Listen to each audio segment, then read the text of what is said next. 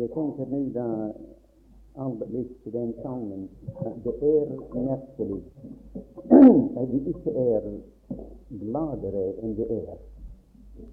At vi ikke er et virkelig glad og jublende folk. Når vi tenker på alt som vår Gud har gjort for å gjøre oss glade. Jeg tenker på den sang som vi sang i årsalige stund uten lyset. Han lever, han lever ennå. Og jeg levende så ham i haven. At jeg undres om disse sannheter er virkelig, virkeligheter for oss. om vi har sett den levende oppstanden Herre Jesus, og om vi har sett ham fare opp til himmelen og sitte der ved Gud høyre hånd, og vi går innenfor forhenget, og vi bøyer oss for ham, og at han er like hjertelig for oss som om vi så ham med våre naturlige øyne.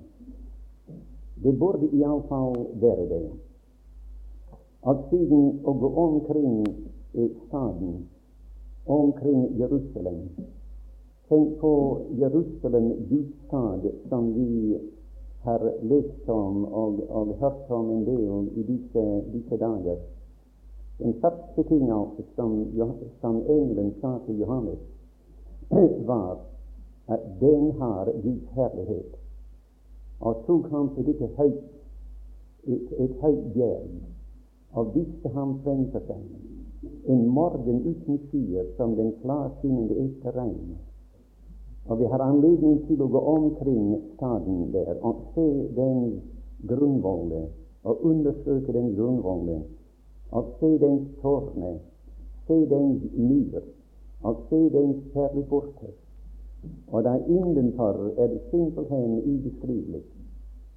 Altså Den staden, mine venner, er slik at vi leser mye mer om hva det ikke er der, enn hva det er der. Så det ser ut til at Johannes ikke kunne forklare hva det var der, men han kunne fortelle oss hva det ikke var der. Og alle disse sakte ting altså er veien bort. Du skulle ikke ha noen tårekilde der.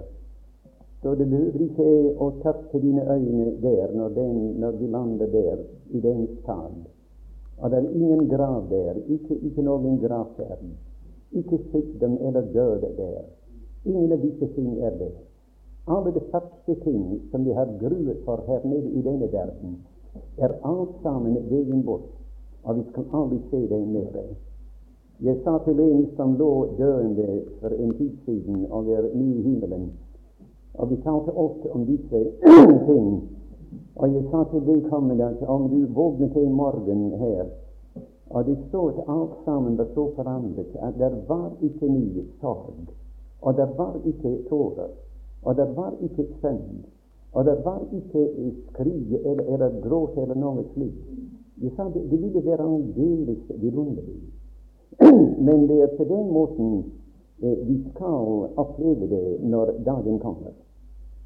Og jeg, jeg tenkte da vi sa der, vi sang den siste sang, og siden fulgte alvor med denne deilige 48. salme, eh, hvorfor hører vi ikke alt mer? Må vi han trenger altså for å holde tilbake våre høye rop av halleluja. Vi burde være jublende folk og glade folk. Så sant alle disse ting er, er sannheter. Og det er sannheter, mine venner. I det tyvende kapittel Jeg skal bare vise noen vers her fra det, fra det, det niende vers, eller åttende vers. Da gikk også den andre disippel inn. Altså Peter hadde gått inn i graven. Og Johannes 9 han gikk også inn. Og eh, han som var kommet fast til graven, og han så og trodde.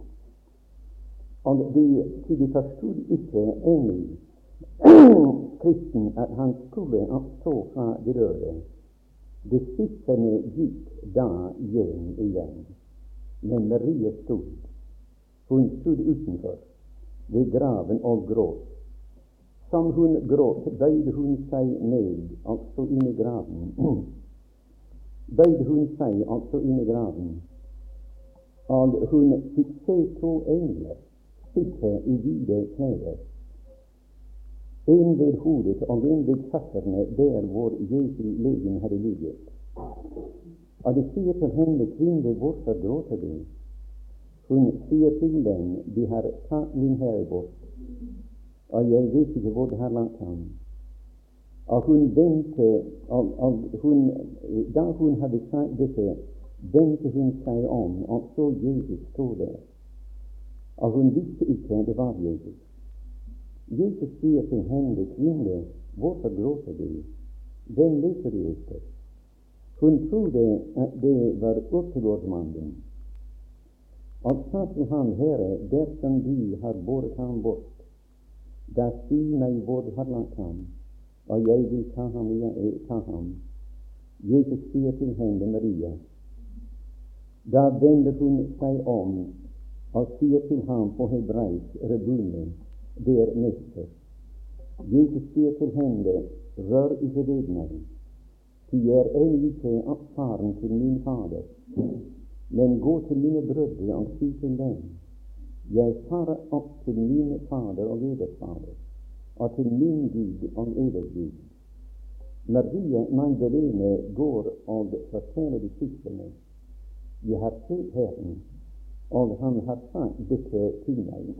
Nå i det 24. kapittel i Lukkesevangeliet, i det 24. kapittel og i det, det 14. vers, eller 13. vers, og se to den gikk samme dag til en by som ligger eh, som, som, eh, som ligger 60 stadier fra Jerusalem, og som heter Emau. Og de talte med hverandre om alt dette som var skjedd. Og de og det skjedde medens de talte sammen og spurte hverandre. Da kom Jesus selv. I disse kapittelet er to av Jesus selv. Det er akkurat som Guds program for den nærværende tid.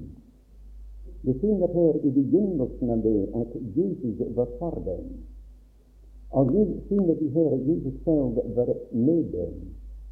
Og lenger ned finner vi at Jesus selv var en i Skriftene. Og da finner vi Jesus selv ved sitt eget bord. Og da finner vi Jesus selv ved utsiden i, i forsamlingen. Og da lenger ned Jesus selv, mine venner, som satt til den ut så langt som til Betania, og har oppløftet sine hender og velsignet dem. Og idet han velsignet dem med oppløftede hender, for han til himmelen, eh, der han er i dag. Så dette kapittelet her er full av Jesus selv, og det er Guds program for oss i den nærværende tid. Du vet, I Det gamle testamentet loven gav ikke noen gjenstand for folkets hjerte.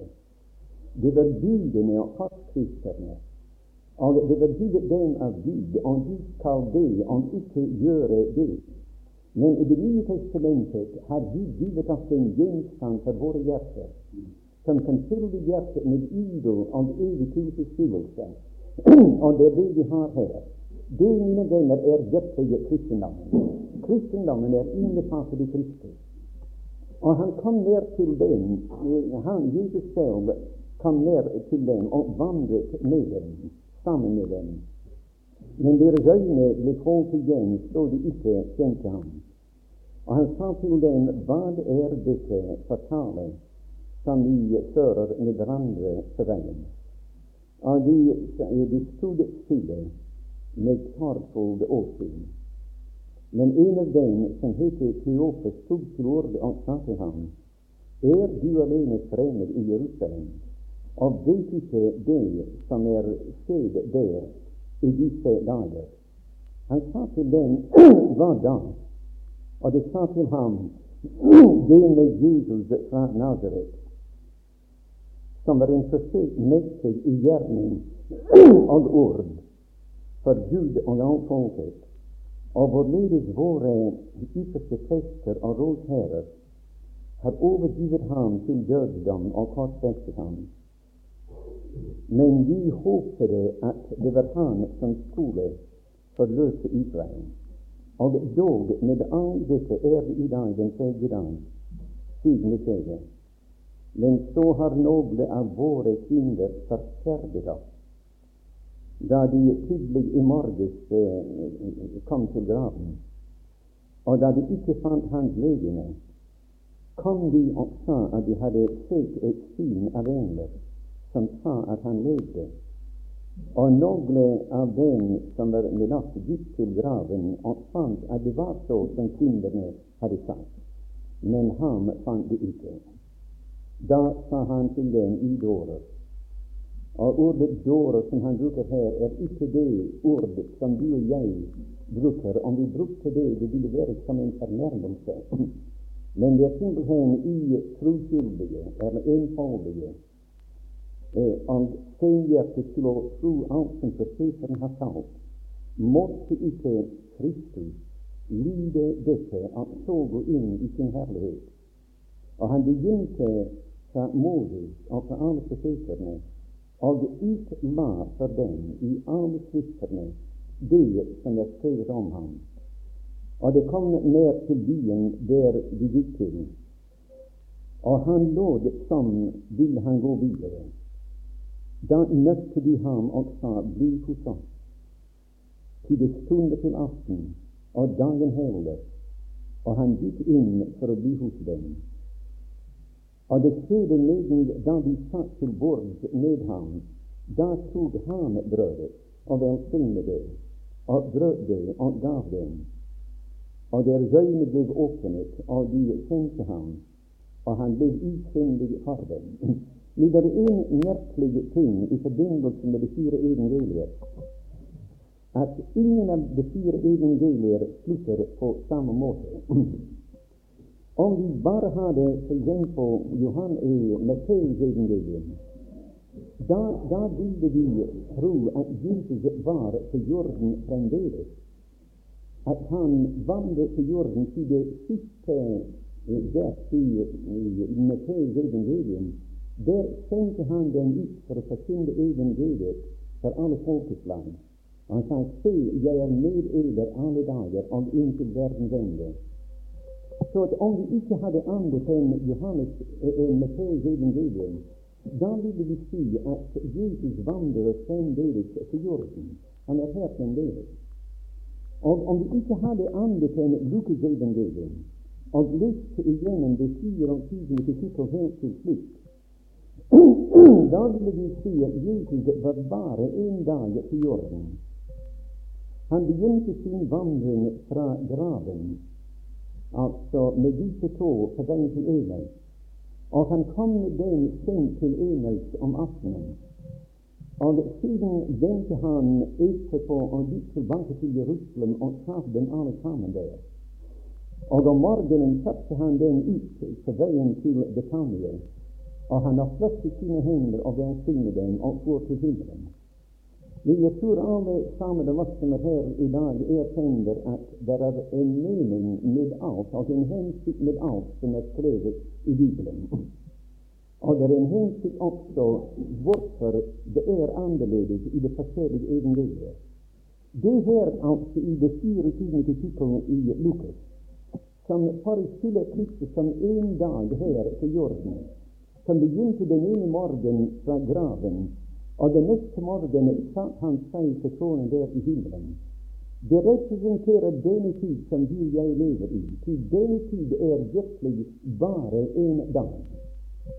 Og du og jeg begynner vår pilgrimsvandring altså fra Krist til tomme kors og hans åpne grav. Det ligner f.eks. John Bunyans pilgrim.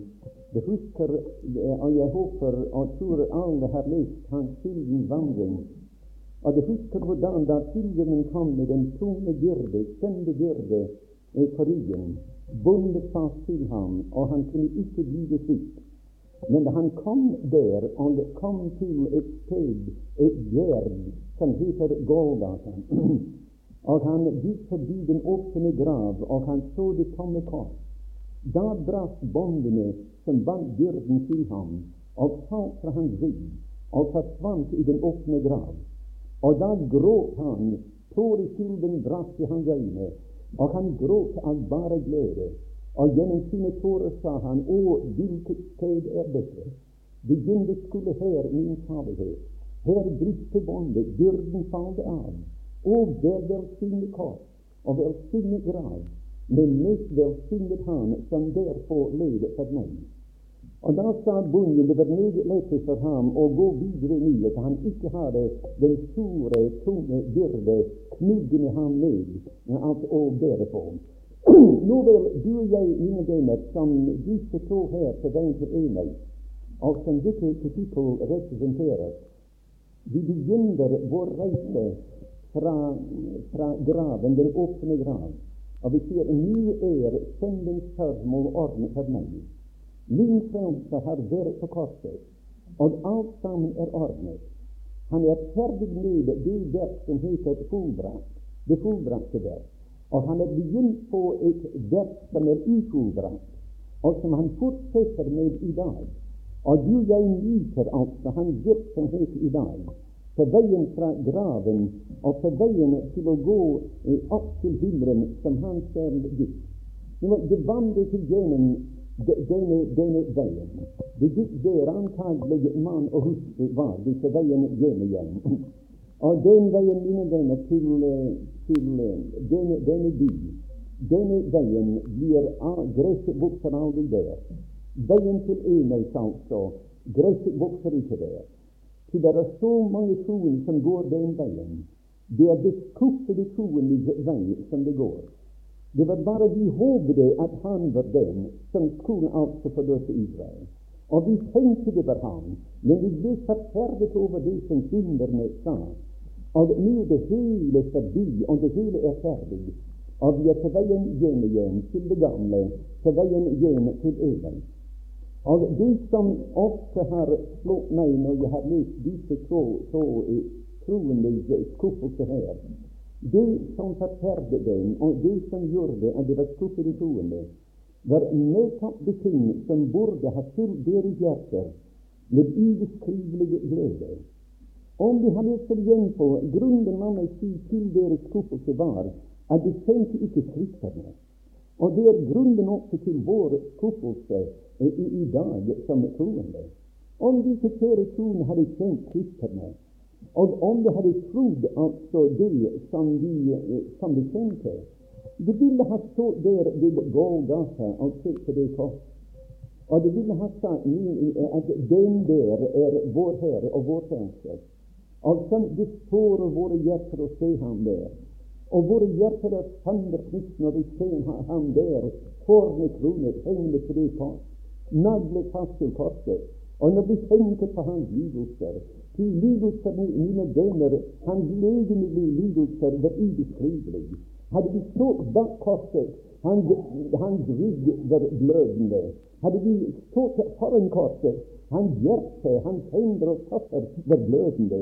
Kunne vi ha kommet høyere enn korset og sett ned? Hans hoved var tornekronet, og blodet rant ned fra hans velsignede hode. Overalt, hodet og føtter og hender, og hans, strute var tørket, hans tunge var tørket som et potteskår. Han hang der, mine venner, hver eneste del av hans vesen var under guddom der på korset.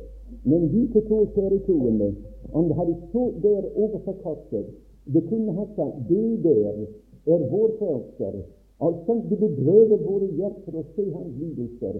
Dog vet vi det har fått bevisning for det, at han er den som Gud ordet taler om. Han er vår frelser. Til det der tegner med den 22. salme. Han, det gjennom både mine hender og mine føtter. Og det meg til med hva profeten Isaias talte i det 53. kapittel. Han ble satt som et lam til slakterbenken. Og som et får deres tung, for den der slipper det. Han åpnet ikke sin munn. Og det er mange andre steder i vår bibel vil den sagt senere med. Så det er vår frelser. Men istedenfor det, mine venner, de, de ble skuffet. Istedenfor det de sa de trodde altså at han var den, men nå vet de at han ikke er den. Og vi ble forferd da våre kvinner kom og fortalte at han var levende og oppstanden igjen fra de døde. Men hvorfor er det det er en hel del uh, unge troende her i, i, dag? En hel del yngre iallfall her i dag. Og hvorfor er det at når vi har denne ubeskrivelige noe, til en kamp i våre sjeler, noe som vi aldri før opplevd, noe som er aldri forferdelig. Og når det kommer disse soler, ofte ansiktsposter og slike ting, og når vi går igjennom disse ting, vi sier nei, jeg trodde jeg var en kristen, og jeg trodde jeg var frelst. Jeg tenkte den gangen da jeg trodde den Herre Jesus, at var alt, borte. Og jeg innbilte meg, iallfall jeg gjorde det, før jeg ble frelst. Jeg var bare en gutt 16 år da Gud frelste meg. Og jeg, jeg, tenkte bare jeg var en troende, da ville all sorg være borte. Bare glede dag etter dag. Ingen kamp og ingen, ingen forstyrrelse av min fred. Men da jeg ble frelst, av flere ting som jeg aldri før hadde opplevd. Og jeg tenkte den gangen, som mange kanskje av dere tenker i dag Jeg tenkte den gangen at kan, jeg, kan det være begynt med meg? Men det er nettopp disse erfaringer. Om vi tenker Skriftene altså, disse erfaringer vil overbevise oss om at vi var frelste. De sin skriver til galaterne at kjødet gjøre imot ånden, og ånden imot kjødet. Og disse to kan ikke være enige med hverandre. Med andre ord, det har to naturer i oss. Og de kan ikke være Den ene sier ned, og den andre sier opp. Den ene, den ene sier Kristus for meg, og den andre sier verden og kjødet for meg. Og disse to naturer er imot hverandre. De strider altså stadig imot hverandre. Men istedenfor disse beviser at de ikke er troende. Det stadfester at de er troende. Om det ikke var så, mine venner, at de hadde to naturer, da kunne de aldri ha en sånn opplevelse som det.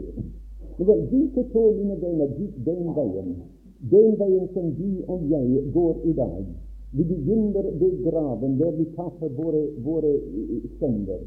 Begynner fra det tomme kors og vi vandrer, og han drager, han kommer ned til oss. Som vi vet, vet, ikke alltid at han er ganske, ganske nær. Og vi vandrer med ham. Og da, når han er ferdig med å høre hva vi sier, da begynner han å tale. Og jeg skriver, mine venner, jeg vil, betale alt som jeg eier og har i denne verden, om bare jeg kunne ha opplevd disse to timer to timers bibelløsning på veien fra Jerusalem til Emel. Og dog er det ikke godt tatt. Han begynte altså å vise for disse to på veien til Emel, altså alt som er skrevet i Skriftene angående dem, angående ham. Kristus i Skriftene, altså. Siden har vi ham, mine venner, i Skriftene. Går vi til Det gamle testamentet for å finne ham der? er vi som den som Salomo taler om i det åttende kapittelet i ordspråk. Han sier der i det kapittel salig er den som våger ved mine dører danse gang, som sitter ved mine dørstolper. Går vi til Bibelen der, og vi ser den herlige, vidunderlige slott der, med den stolper og den deilige dør der inntil den helligdom, og setter oss ned og sier, Herre Jesus, jeg går ikke fra flekken, jeg går ikke fra her i dag, for du viser meg ditt ansikt, for du åpenbarer deg selv for meg.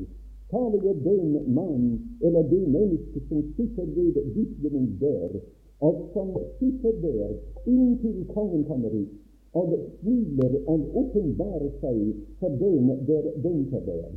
Det er det, mine venner, det er derfor vi burde lese Skriftene, for å finne Kristus der. Jeg hørte i, i 1914, da dr. Dixon fra, Mode, fra Spurgeons tabernakel i London var i Oslo Han talte dere aldri inn selv.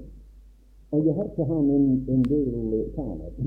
Og jeg husker ingenting uten en del små studier som han fortalte.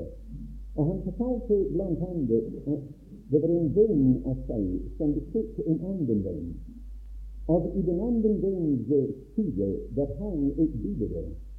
Det var et alminnelig landskap, så det ut til å være.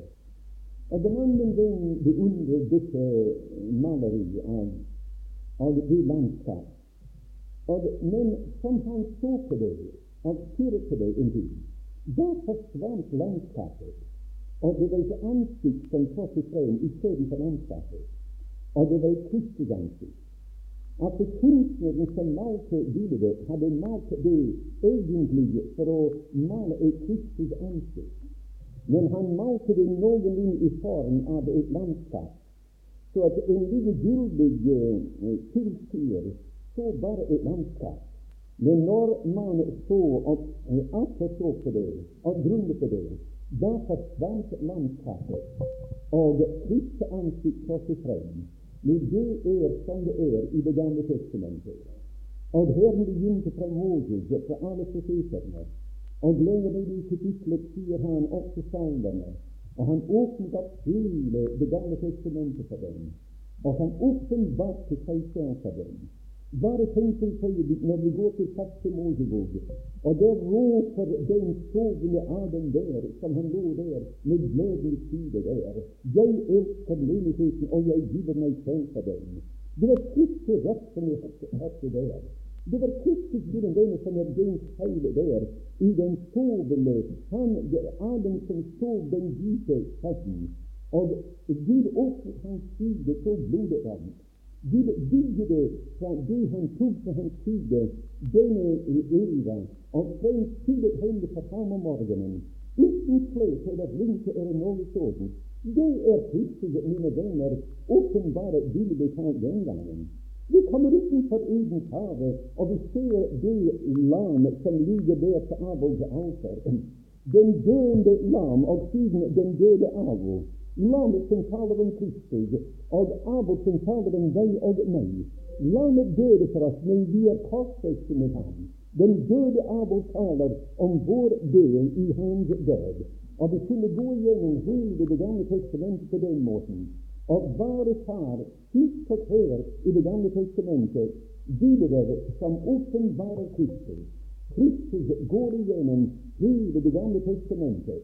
Og da du husker, mine venner, at da Israel hadde syndet så grusomt mot Gud, og Det gamle testamentet måtte slutte med ordet barne, forbannelse.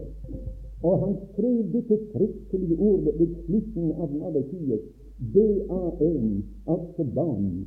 Og da kom der 400 teite år. Og Israels barn den gangen som var troende, de kjære troende den gangen, siden det var en liten legning den gangen, vi leser om det i Malakias. Det talte ofte den ene til den andre, og Gud hørte deres samtaler, og han sa om den disse som disse skal være min juvel, eller mine juveler på den dagen jeg taper. Og han skrev i til bok om dem. Men mine venner, disse kjære troende spør så vidt nok hverandre. Er vår Gud ferdig med å tale til Israel? Gud, skal Gud aldri åpenbare seg igjen for Israel?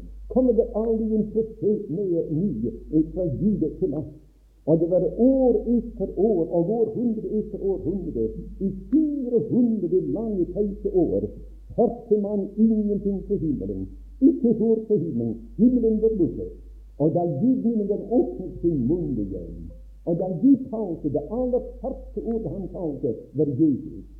Etter 400 års teithet han åpnet sin munn, og det første ordet han talte, var Jesus Kristus. Jeg tenker nå når jeg sier det, på så en ung mann som lå på operasjonsbordet. Iallfall en, en, han var ikke en gammel mann, en yngre mann, som lå på operasjonsbordet. Han hadde kreft i tungen, og det skulle fjerne tungen hans. Og da for operasjonen, det var en meget alvorlig operasjon, og flere unge leger samlede for å se på det, og da alt var ferdig, sa kirurgen til ham, min, min venn, nå får de lov til å si et ord og tale et ord. Men jeg skal be dem dere tenke dere over hva de skal si. I ordet de nå skal tale, blir det siste ordet noensinne skal tale. Til han skulle altså tappe tungen sin. Den, denne kjære mann lukket sine øyne, og det var ikke fritt for mine venner at de som var der som tidligere, at det var tårer i deres øyne. Han lukket sine øyne et øyeblikk. Det var et øyeblikk teithet. Og da åpnet han sine øyne, og han åpnet sin munn, og han sa takk, Gud, Jesus Kristus. Og det minner meg hver gang jeg tenker på det.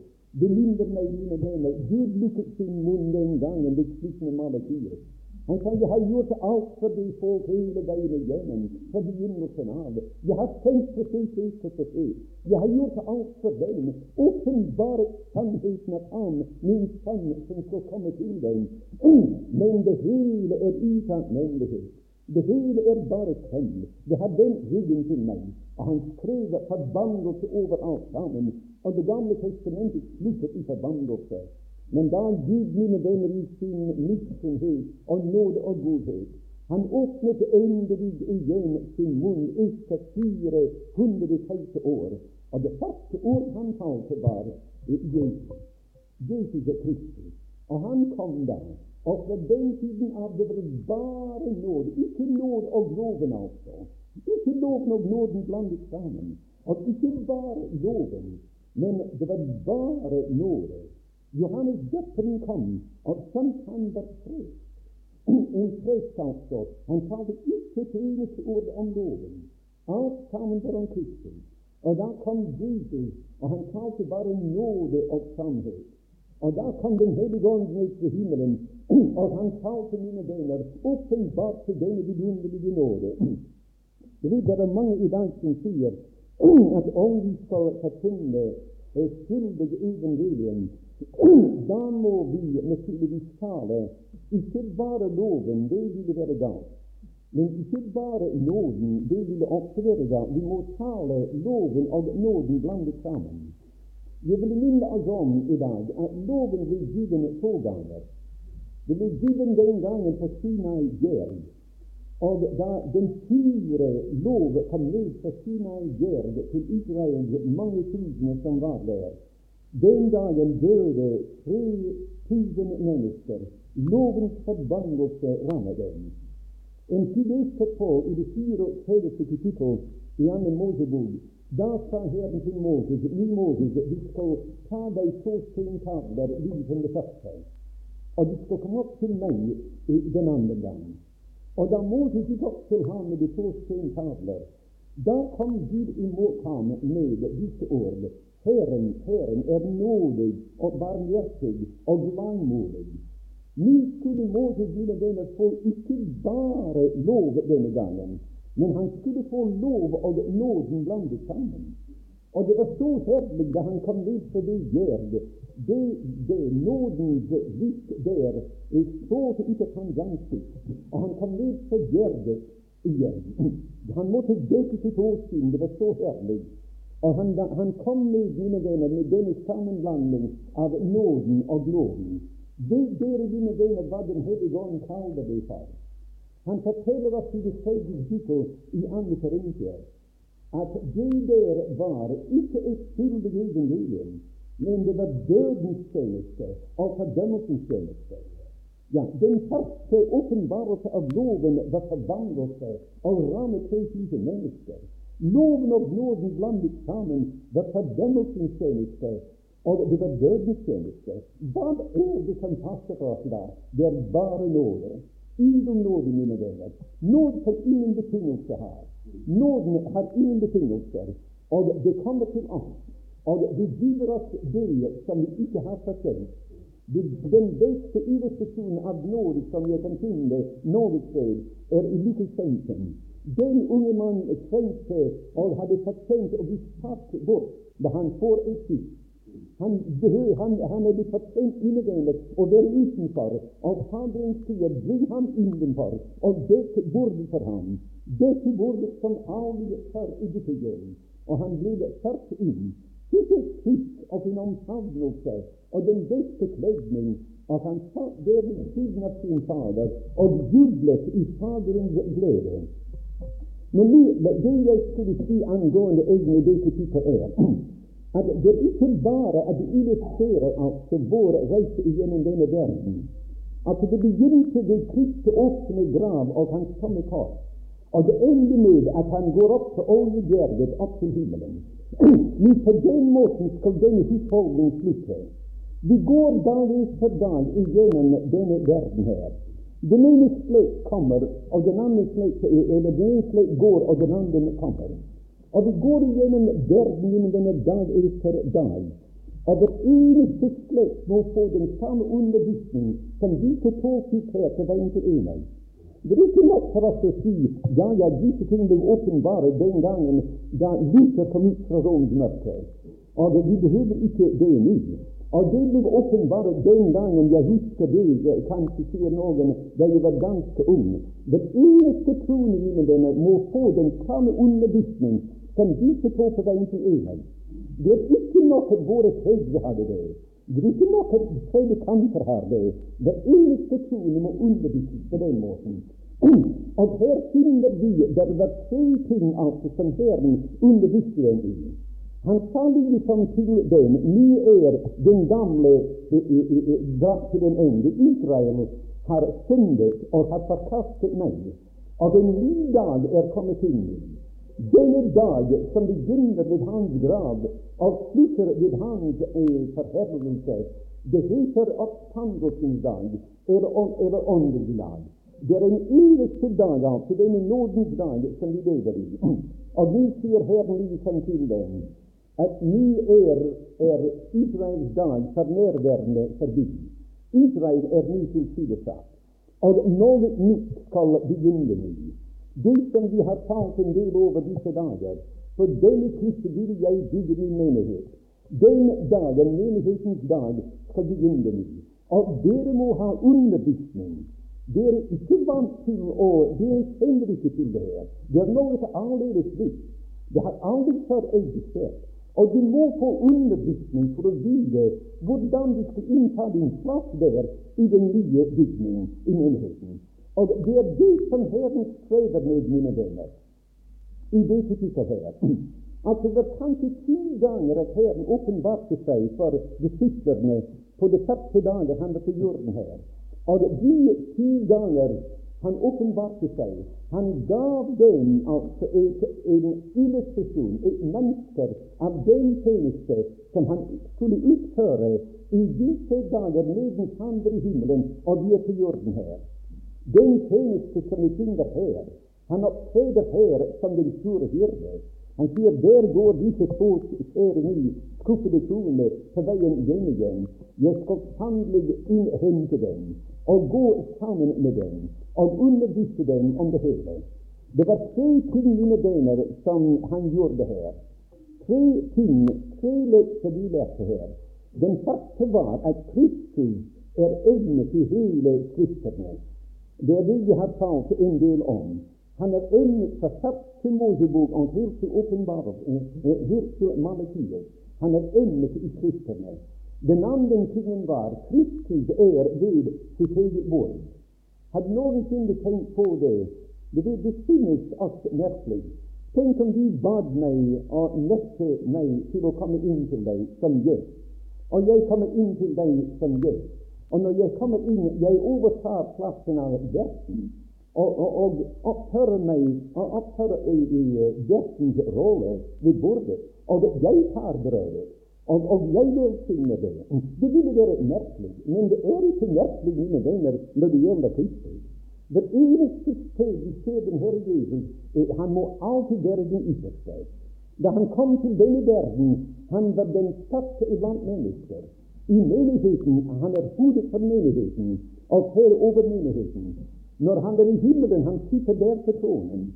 Han er den skapte, altså. altså. Han er konge i det herlige riket. Da han kom inn i denne, dette hjem her det, det var så merkelig det, det gikk der. Hjertet deres brente inn i den hele veien. Han åpnet opp den ene delen etter den andre. Første Mosebok, andre Mosebok, og gjennom salmene og gjennom profetene. Og hjertet brente mer og mer inn i den som han talte. Og da sa de til ham du kan ikke gå videre i. Det er altfor sent for deg å gå videre. Det, det, vi ser dagen heller, og du kan ikke fortsette. Kom inn til oss og bli hos oss, sa de. Og han gikk inn for å bli hos dem. Og da han satt til det var han som tok brødet. Og som vi hørte forleden dag, det var det som åpnet deres øyne. at da han tok brødet, det så han gjennom stumle hender. Og det kan en fere der hvor oppstanden frelser. Det er han som den nagde til det kors. Det er sant som synderne sa. Han er oppstanden, oppstanden for de døde. Mine venner, den første ting du og jeg må lære, er at evnen til Bibelen er Kristus. At Kristus er alt. Ingenting utenfor ham. Den andre tingen er at det som skjer ved Herrens bord når vi er samlet og bryter brød til hans ihukommelse, og drikker av kalken til hans ihukommelse Han sitter der ved sitt eget bord. Jeg mener ikke det her alt er nattverden, men det er det som finner sted ved nattverden. Han er ved sitt eget bord. Han giver oss brødet, han giver sin glede dem. Det, det var den andre ting som de lærte. Og den tredje tingen var at medan de var samlet, da de kom tilbake, da sam, de samlede disipler sa herren er sannelig oppstanden, og er sikker av Og da kom de og fortalte hva de hadde opplevd. Det, mine venner, er en Guds menighet. Du kommer og forteller Vi har vært borte fra hverandre kanskje flere dager, og vi kommer da gjerne på en søndag. Hva skulle vi gjøre da? Skulle vi bare komme og sitte og se på hverandre, eller tale om forskjellige ting? Vi burde komme, mine venner, og fortelle jeg har opplevd det i samfunnet Kristus. Og du burde ha noe å fortelle som du har opplevd i samfunnet Kristus. Og når vi alle sammen taler om samfunnet Kristus og opplevd, der er han ikke medlem av. Det er disse tre ting altså som en Guds forsamling består av. For Kristus er alt i Kristerne. Og siden er han herre ved sitt eget bord. Og siden er han midtpunktet i forsamlingen. Og det er det vi finner, mine venner, gjennom disse verser og disse kapitler. Det var der han, han, han, han underviste dem om den nye bygning, og at det kunne innta sin plass i den nye bygning som nå skulle opprettes når Den hellige ånd kan lese himmelen. Men jeg, jeg ønsker å si bare noen ord om før jeg er ferdig. I det tiende kapittel her har vi den første gang at, uh, den, at Herren åpenbarte seg for noen etter sin oppstandelse. Og jeg er sikker på, mine venner, det var de vers jeg leste om Marie Magdalene. Jeg er sikker på at hans kjærlige, inderlige, kjærlige og nådige hjerte ville ha det så. Til han sa denne, dette hjertet her, Marie hjerte, er et sannesnitthjerte. Og han er meget øm over, over sannesnitte og sargende hjerte. Det er ingenting som så altså influerer ham som sargende hjerte. Og der var en kvinne som stod utenfor graven. Så dypt var hennes sorg altså at der kom det første av alle apostler til graven. Men hun vendte seg fra dem. De hadde et hjem å gå til, men hun hadde ikke noe hjem. Hva var hennes sorg, mine venner? Å Gud vite at du og jeg hadde lite grann av den sorg hun hadde. Sorgen var hun savnet Kristus. Hun savnet denne velsignede frelser som hadde reddet henne fra undergang og kastet syv demoner ut av henne og frelst henne selv. Hun glemte det aldri. Det fylte henne med sådan glede og takknemlighet, og blir han borte. Hun så hvordan de naglet ham til et kors, og så hvordan han hang der, glødende, såret og døende på korset. Og de, hun så hvordan de la ham i den graven her. Og det var derfor hun kom til graven. Det var den sorg som fylte hennes hjerte. Men disse apostler kom, Peter og Johannes. Disse store, det, det satte blant apostlene, de kunne naturligvis lette den sorg som var i hennes hjerte.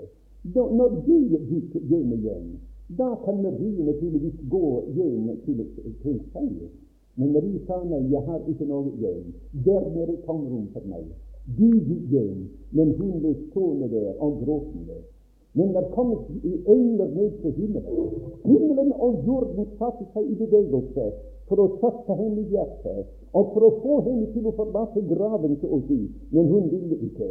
Engler kom ned til himmelen, få i hvite klær og satt seg der i graven. Men mine venner, hun vendte seg også fra englene. Verken engler eller mennesker kan tilfredsstille henne i hjertet. Og da vender hun seg fra dem, og da sa Herren, jeg kan ikke la henne fortsette lenger med denne hjerte. Den mest hardmodige kvinnen, mine venner, i denne verden. Verden var et tomrom, gjennom og full av sorg sto hun der. Og det neste øyeblikk var hun det gladeste kvinne, eller det gladeste menneske som det er på jorden her. Og hun sier der. Hvorfor var det, mine venner, Herren åpenbarte seg for henne? Du vet, Vi finner her tre åpenbarelser av Kristus i disse der. Og hver gang han åpenbarer seg, forsvinner en fiende. Han åpenbarte seg for henne, og sorg forsvant. Han åpenbarte seg for de skriftende disipler, og frykt forsvant. Han åpenbarte seg for Thomas, og vantro forsvant.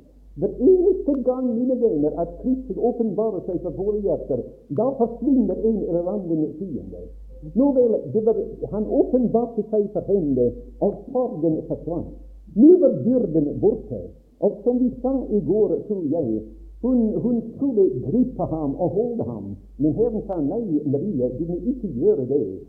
Alt sammen er forandret nå. Du tenker å ha meg her nede, men jeg skal ha deg der oppe. Du trodde du skulle beholde meg her til jorden, men jeg skal ha deg i himmelen. Jorden og verden har gjort sitt beste. Det har lukket hver eneste dør imot meg. At denne, Jeg kom til verden, og de kjente meg ikke. Jeg kom til mine egne, og de lukket døren for meg. Men min Fader har åpnet døren. Himmelens dør er åpen, og nå farer jeg opp til min Fader og til eders Fader, til min Gud og til eders Gud. Og vet du, mine kjære venner i dag, at det sterkeste lys som noensinne var åpenbart i verden opp til den tiden, ble betrodd den kvinnen.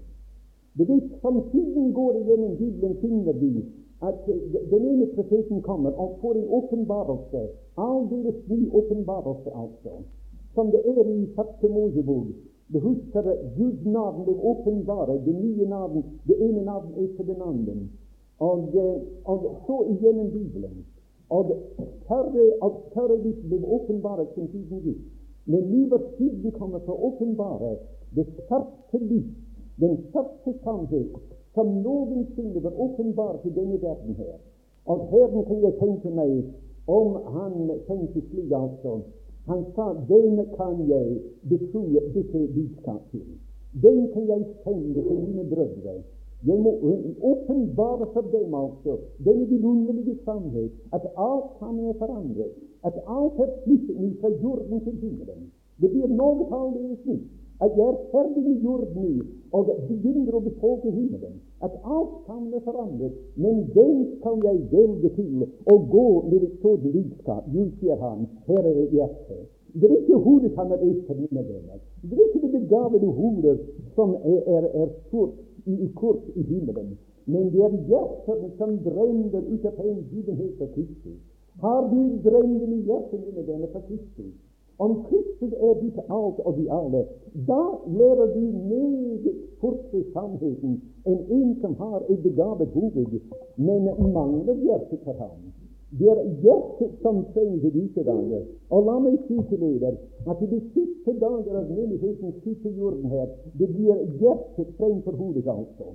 Det blir bruden, mine venner. Brudens følelser. brudens da sammen med ånden. Ånden og Guden sier 'kom'. Det er hjertet, mine venner, han setter pris på. Nå vil sier han til Maria, nå Maria, nå skal du gå, og du skal bære med deg det budskap. Det sterkeste lys, nettopp åpenbaret. Ingen sender det til jorden, men uten deg.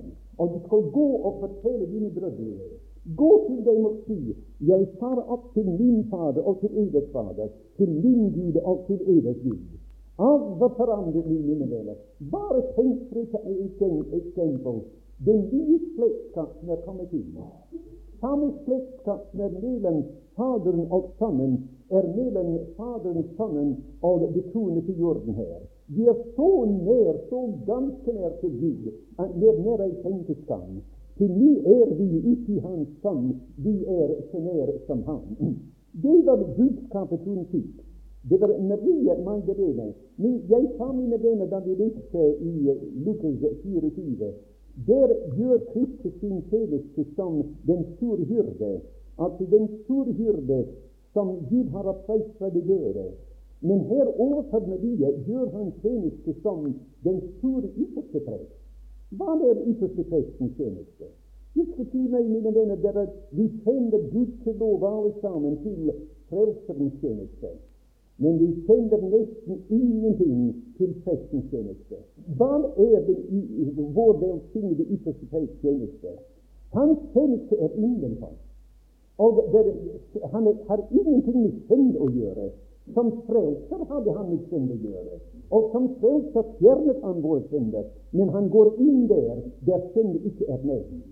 Og han, hans tjeneste som prest å lede våre hjerter inn der, der han selv er. Og lede oss venner inn i selve himmelen. Der, der vi burde lede, der vi burde tilbede, inn i selve himmelen. Innenfor forhenget er innenfor himmelen. Vi går innenfor himmelen, mine venner, i ånden. Og da leser vi at han er med inn med oss i våre skrøpeligheter og fjerner våre krøsligheter og bærer dem. Det er prestens tjeneste. Presten, dine venner, er det når du og jeg går gjennom sorger, den som når det kommer sorgen til familien, når våre kjære er tatt bort, og det er et, tomrom der som ingen på jorden kan erstatte. Hvem kan erstatte det? Kristus, mine venner.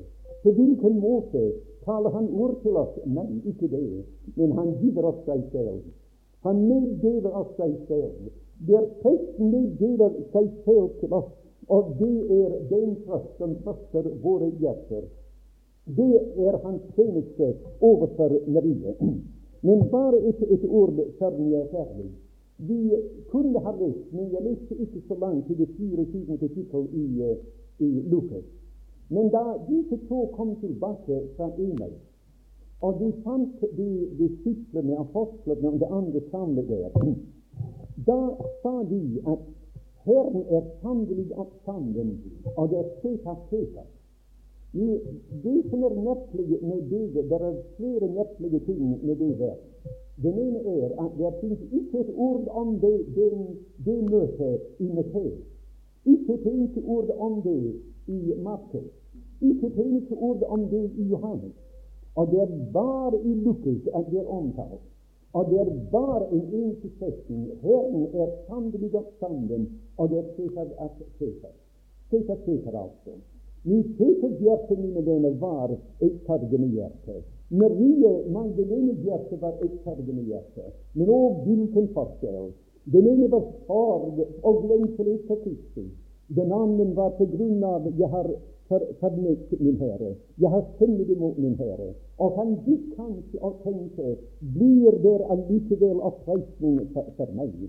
Men det merkelige, mine venner, med det der skjer, at det vet absolutt ingenting til verken tiden eller stedet eller hva det foregikk der. Alt som vi vet her, at det fant sted den første oppstandelsesdagen. Men jeg tror, mine venner, vi får lov til å bruke kanskje fantasi lite grann når det gjelder det. Vi kan tenke meg, mine venner, når et sånt elskelig hjerte som Gud elsker kan ha det, og et sånt sanne knutthjerte som Peter hadde, at det disse to hjerter traff sammen, da kan vi stole på at det var tårer. Da kan vi stole på at det var en omfavnelse at Peter fikk et kyss den dagen av sin velsignede Herre. Jeg antar han gråtende sa til Herren, min Herre, kan du ikke gi meg? Jeg har fornektet deg, jeg har syndet grusomt imot deg. Men der, mine venner, i Kristi armer du kan se tilgivelse. Det vil ikke et menneskeøye som hviler på det. Og hvor ulik Herren er, at vi som er her i dag, eh, kanskje de fleste av oss. Når noen har noe imot oss, da sier vi mye 'jeg skal vente på en god anledning'. Og da når det så mange er til stede, og jeg får en god anledning, da skal vi høre det. Og da skal vi få et rødt ansikt. At det er hva våre horde stive hjerter ville si. Og vi ville kanskje sende en kniv stikk i deres hjerter og gi dem et sår som det aldri skal overvinne kanskje i denne verden. Men Herren sa nei. Jeg skal treffe min kjære disipler. Han er syndig imot meg, men jeg skal treffe ham når han er alene. Intet øye skal se ham, intet øre skal høre hva det foregår der. Og de treffer hverandre der ganske, ganske alene. Og Peter, mine venner, ble gjenoppreist. Vi vet at han fikk en offentlig gjenopprettelse som en apostel. Vi vet at noen kunne ha sagt til ham etterpå, noen av apostlene de Peter, de naturligvis er gjenopprettet, de har fortalt oss for de hadde et møte med Jesus. Vi har ikke sett det, men vi tror det. Og, men de er ikke lenger en apostel. Og da Du husker hvordan han ble gjenopprettet i det ene kapittel i Johannes evangelium. Der, der traff Jesus ham, og han sa til ham Først sa han til du er stort nå. Før jeg snakker noe til deg, du må få et godt måltid. Og det blir riktig bekvemt og, og varm, og, og, alt blir i orden. Og det alt er i orden, sier han, nå kan vi ha en liten samtale med hverandre. Elsker du meg mer enn lite, sier han. Peter hadde sagt det. Han sa om alle forventer deg, da skulle ikke jeg gjøre det. Og da sa Peter Herre, du vet at jeg har deg kjær. Han var redd å bruke det sterke ordet 'elske'. Han ville ikke våge seg nå til å at ja, ja, Herre, jeg elsker deg. Men han sa, Herre, jeg, jeg er glad i deg, jeg har deg kjær. Men vel han at fød mine, mine lam. Og da sa han til ham den andre gang, elsker du meg? Meg, altså. Er meg du elsker? Han sa, Herre, du vet at jeg har deg kjær. Nå vendte han bort mine får til ham. Og da sa han til en tredje gang, og det var det som ble drevet Peter. Ikke fordi han fikk et formål tredje gangen, men fordi tredje gangen han brukte Peters eget vanlige uttrykk. Han sa ikke den tredje gang 'elsker du meg', men han sa 'Peter, har du meg kjær? Er du glad i meg?' Og da ble Peter eh, bedøvet over at Herren syntes endog å tvile på det, det svare uttrykk, at han hadde ham kjær. Han sa Gud vet alle ting her. Du kjenner til mine tårer, min far, min hopen og min bedøvelse. Du kjenner alt sammen, Herre. Og du vet jeg har deg kjær. Nå valgte han føde mine får. Mine dovne syke får, altså. De får behøver ikke å fødes. Bare la den gå ut på marken der, og det fører seg selv, altså. Men når det ikke er fritt, når de er dovmele eller syke, eller, da må man føre dem. Og de skal passe feil, mine venner. Hans første tjeneste, Peters første tjeneste var som en evangelist. De skal, de skal være en menneskefisker. Og etter hans gjenopprettelse blir han opphøyet til en tjeneste uendelig høyere. Jesus sier til ham, Peter, jeg anbefaler deg det aller beste som jeg eier i denne verden her. Jeg gir deg fåreslaken i dine hender, mine får og mine lam, og jeg betror dem til. Nå kan jeg stole på deg. Han sa til ham før, jeg kan ikke stole på deg, men nå kan jeg stole på deg.